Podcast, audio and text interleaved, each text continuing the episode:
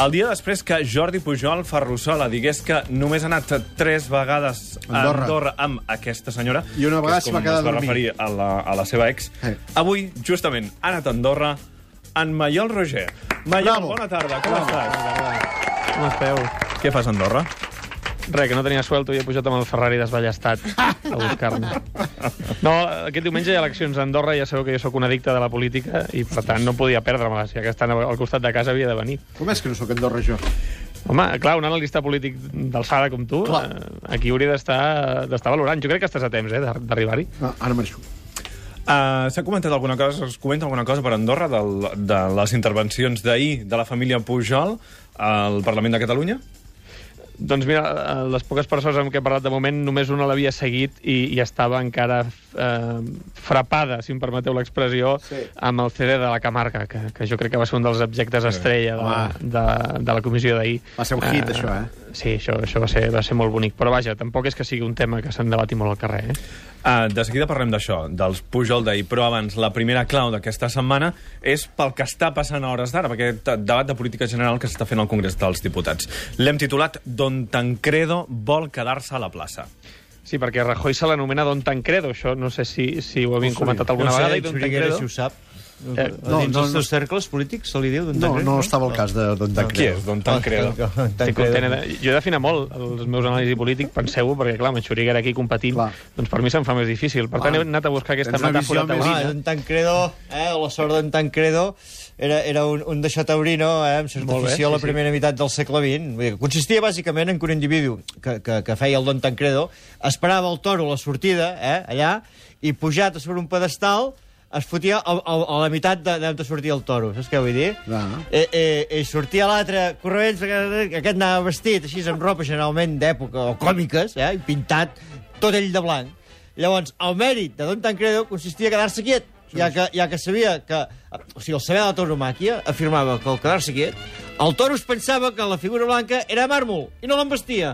M'entens o no? Això és una xarlotada. Feixedes, tu estàs És llegint la exactament Viquipèdia? Eh? Estic Estàs llegint la És Viquipèdia? això. No. Rossinyol, jo, és Jo crec que informació... estàs llegint la Viquipèdia. No, és informació que tinc al cap, eh? No És, sé, eh, aquesta pantalla que Ara, tens al ara, davant... ara no, podràs Viquipèdia. fer creure a l'audiència que saps més de toros tu que jo. Ara s'ha penjat, això. Per què no? Ara no puc llegir. Ah, veus?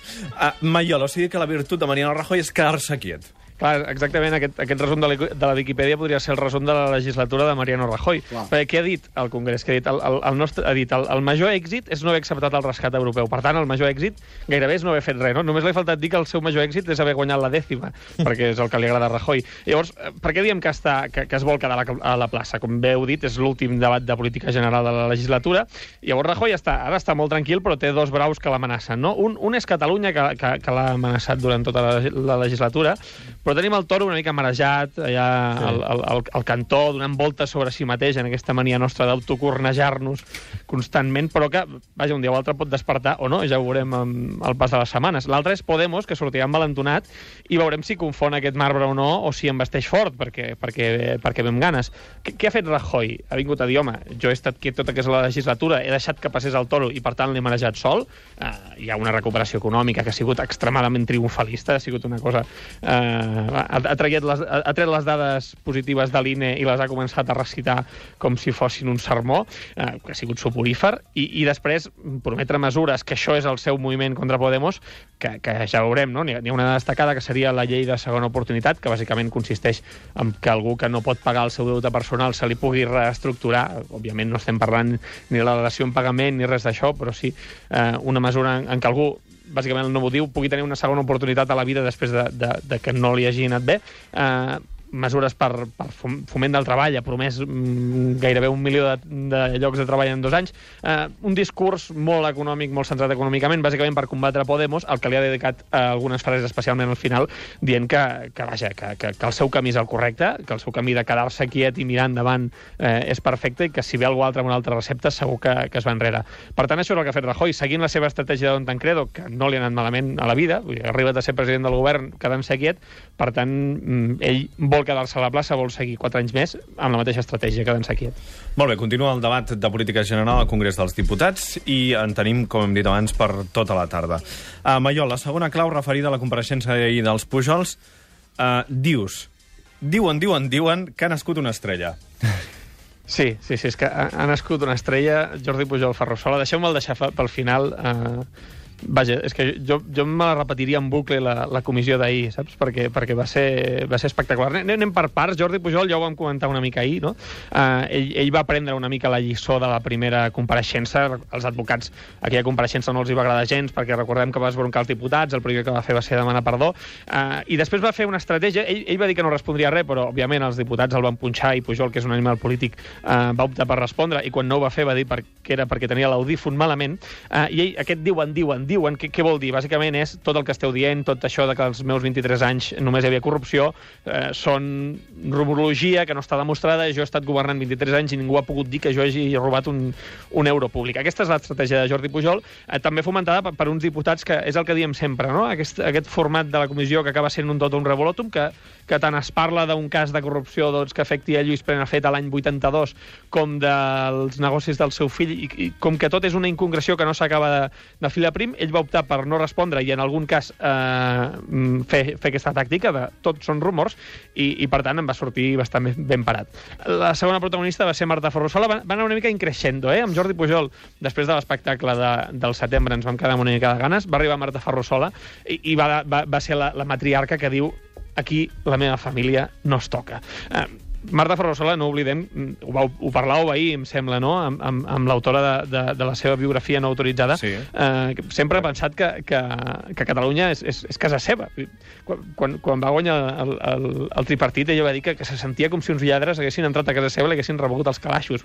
Imagineu-vos quina és la seva concepció de Catalunya. I això ho va demostrar a la comissió d'investigació. Els diputats, òbviament, van, van anar a apretar, van preguntar-li molt pels seus fills, i clar, quan una mare li toquen els seus fills, i més quan una mare que ella sol ha hagut de, de criar-ne set i, i, que, i que els ha criat, com, com ja sabem, doncs li van tocar una mica la barriviu, no? I va, Home, ja, ja la això frase que va deixar per la posteritat és aquesta de Catalunya no es mereix això. Catalunya no s'ho mereix. Eh, és que em va deixar tantes, em va deixar tantes, això de, de quan li van dir que els seus fills anaven amb una mà davant i una darrere. Eh, no sabem si la mà buida, creiem que no, o, o vaja, és que... El no en tenim No- ni cinc. no en tenim ni cinc, mare de Déu, que no en tenim ni cinc. Eh, Cadascú va, sap ser, va ser un seguit. Hi hi ha- hi ha un moment que, que li diu a la diputada Isabel Vallet de la CUP Sí. uh, si li agradaria que li preguntés pel seu vestit Sí. sí. quan ella li preguntava pels fills. És que va ser tot un seguit de coses que, que era un espectacle. Que jo jo m'imagino aquesta dona que durant 23 anys s'ha passejat pel Parlament i pel Palau de la Generalitat com si fos casa seva. Veure aquests diputats que no en coneix la meitat, que més veu una noia que va vestida amb samarreta, saps? Que és el que li va respondre la diputada de la CUP. Clar, i, i, i amb ella això no pot ser, no? Això no pot ser, i va demostrar eh, aquest caràcter seu de mare de família que els seus fills no la toquen. Però, Però l'estrella però l'estrella va ser Pujol Ferrusola, Jordi Pujol Ferrusola. Aviam, si, si em permeteu una mica l'expressió, amb perdó, va, es va pixar una mica als diputats. Eh? I tant, a tots, eh? Uh, absolutament. Um, M'estan sortint expressions molt barrueres de, de la ment que no diré, però bàsicament... Uh, teniu aqu al cap aquell meme de Julio Iglesias dient uh, i ho saps? Sí. Do, doncs va actuar amb, amb, amb, amb aquell totxolès de jo sóc l'am... Mira, ara ja m'ha sortit. Va ser uh, Guardiola Mourinho, jo soy el puto amo, no? Ell va, ell va anar allà i va dir aquí vostès no tenen ni idea, jo sóc l'amo i ho tinc molt dominat. Li va jugar a favor una cosa. Uh, hi havia molts diputats que no anaven ben preparats. Per què? Uh, si tu llegies la declaració judicial de Jordi Pujol Ferrusola, 140 pàgines, i l'informe de la UDEF, no el primer del principi, no, el segon, que era el bo, en el que es detallen tots els seus negocis, hi ha mitja comissió que o ens la podem saltar o la podem tenir per anar més detalls. És a dir, tota aquesta estructura econòmica en la que Jordi Pujol Ferrusola presumeix de ser dinamitzador econòmic i, i aquesta complicada eh, gestió dels negocis en la que va una empresa li ofereix cinc temes, tot això està perfectament explicat en aquesta combinació de documents que us dic. Hi havia algun diputat que ho portava i van sortir preguntes interessants, però n'hi havia d'altres que no, i clar... No aquí ens trobem- llegit, home. No s'havien llegit, clar, quan, quan... I ell què fa? Doncs dedica 7 minuts a parlar del seu cotxe, per exemple Clar.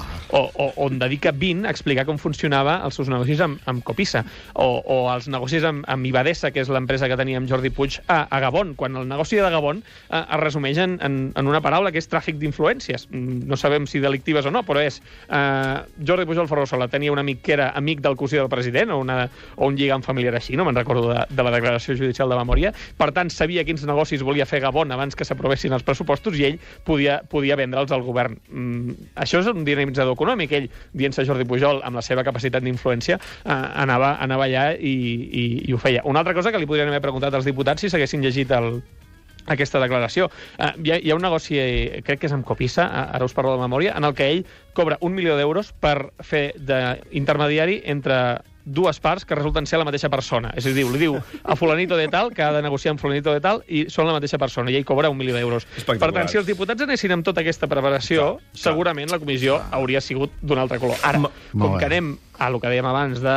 Mm, diuen, diuen, diuen, i ara... No es queda clopi una espardenya, no es pot anar així. Maiol Roger, Ah. moltíssimes Però gràcies. escolta, que vagi molt tinc una pregunta per la, de cara- la clau eh, política andorrana. Eh, existeix Podemos a Andorra? Es presenta? Home. No, no, no existeix Podemos. Hi ha, que és- hi ha una aliança d'esquerres, que és el Partit Socialdemòcrata, però vindria a ser els, els socialistes eh, d'aquí, que ara s'han aliat amb, amb els verds, eh, però no, no hi ha, no hi ha un Podemos a Andorra. Almenys no, he, vi- no he vist ningú en poeta, de moment. Eh? De Podemos, de la no bonada de Podemos... Era música, Ramon, això no es pot aguantar. Gràcies també als companys de Ràdio Nacional d'Andorra per haver fet possible aquesta connexió. Que vagi bé. Adéu-siau, Maiol.